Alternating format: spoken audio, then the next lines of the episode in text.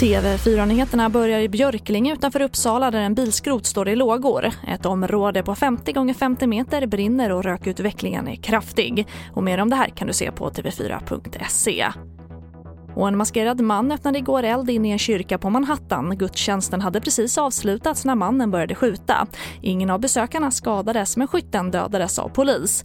Det är okänt varför han öppnade eld men mannen var sedan tidigare känd av polisen. Och här hemma ska kommuner kunna ansöka om undantag från det omdiskuterade strandskyddet. Det skriver regeringens särskilda utredare Katarina Håkansson Boman på DN Debatt idag. På platser där exploateringsgraden är låg, som exempelvis i Jokkmokk, ska det vara lättare att få dispens. På andra håll med mer exploatering ska det vara svårare. Och vi avslutar med att idag skickas sms ut till alla 22 miljoner svenska mobilabonnemang för att påminna om de nya coronaråden som börjar gälla idag och som innebär att vi nu alla är skyldiga att skydda oss och andra mot spridningen av covid-19. Det unika sms-utskicket har avsändare MSB och Folkhälsomyndigheten och kommer skickas ut gruppvis under hela dagen. TV4-nyheterna, jag heter Charlotte Hemgren.